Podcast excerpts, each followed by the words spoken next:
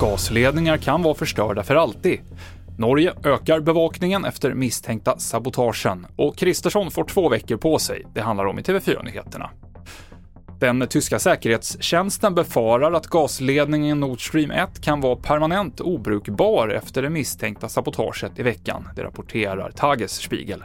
Om ledningarna inte repareras snabbt så kommer det rinna in mycket saltvatten och då kan de rosta sönder, enligt tidningens källor. Både Sveriges och Danmarks regeringar säger att det troligen är sabotage som ligger bakom läckagen i ledningarna.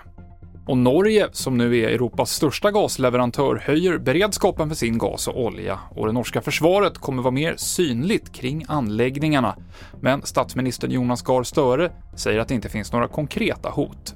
Vikten utav Norges eh, gasexport har ju eh, ökat här eh, under krigets gång därför att av naturliga skäl så, så blir ju Norge en mycket viktigare aktör än vad Norge har varit tidigare eh, på grund utav att man ju då inte eh, längre vill importera ifrån eh, Ryssland. Det sa vår utrikeskommentator Lisa Grenfors. Efter de ryska skenomröstningarna om att ansluta ockuperade områden i Ukraina till Ryssland så kommer EU nu med förslag på nya sanktioner.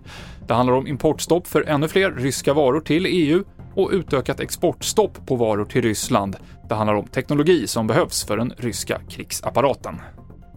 Och talmannen har godkänt Ulf Kristerssons begäran om att få två veckor till på sig för att bilda regering efter att Ulf Kristersson idag träffade honom för en avstämning. Utåt så har inget av partierna i högerblocket velat säga något om hur det går i förhandlingarna eller om vilka partier som kan få ministerposter i den nya regeringen. TV4-nyheterna med Mikael Klintevall.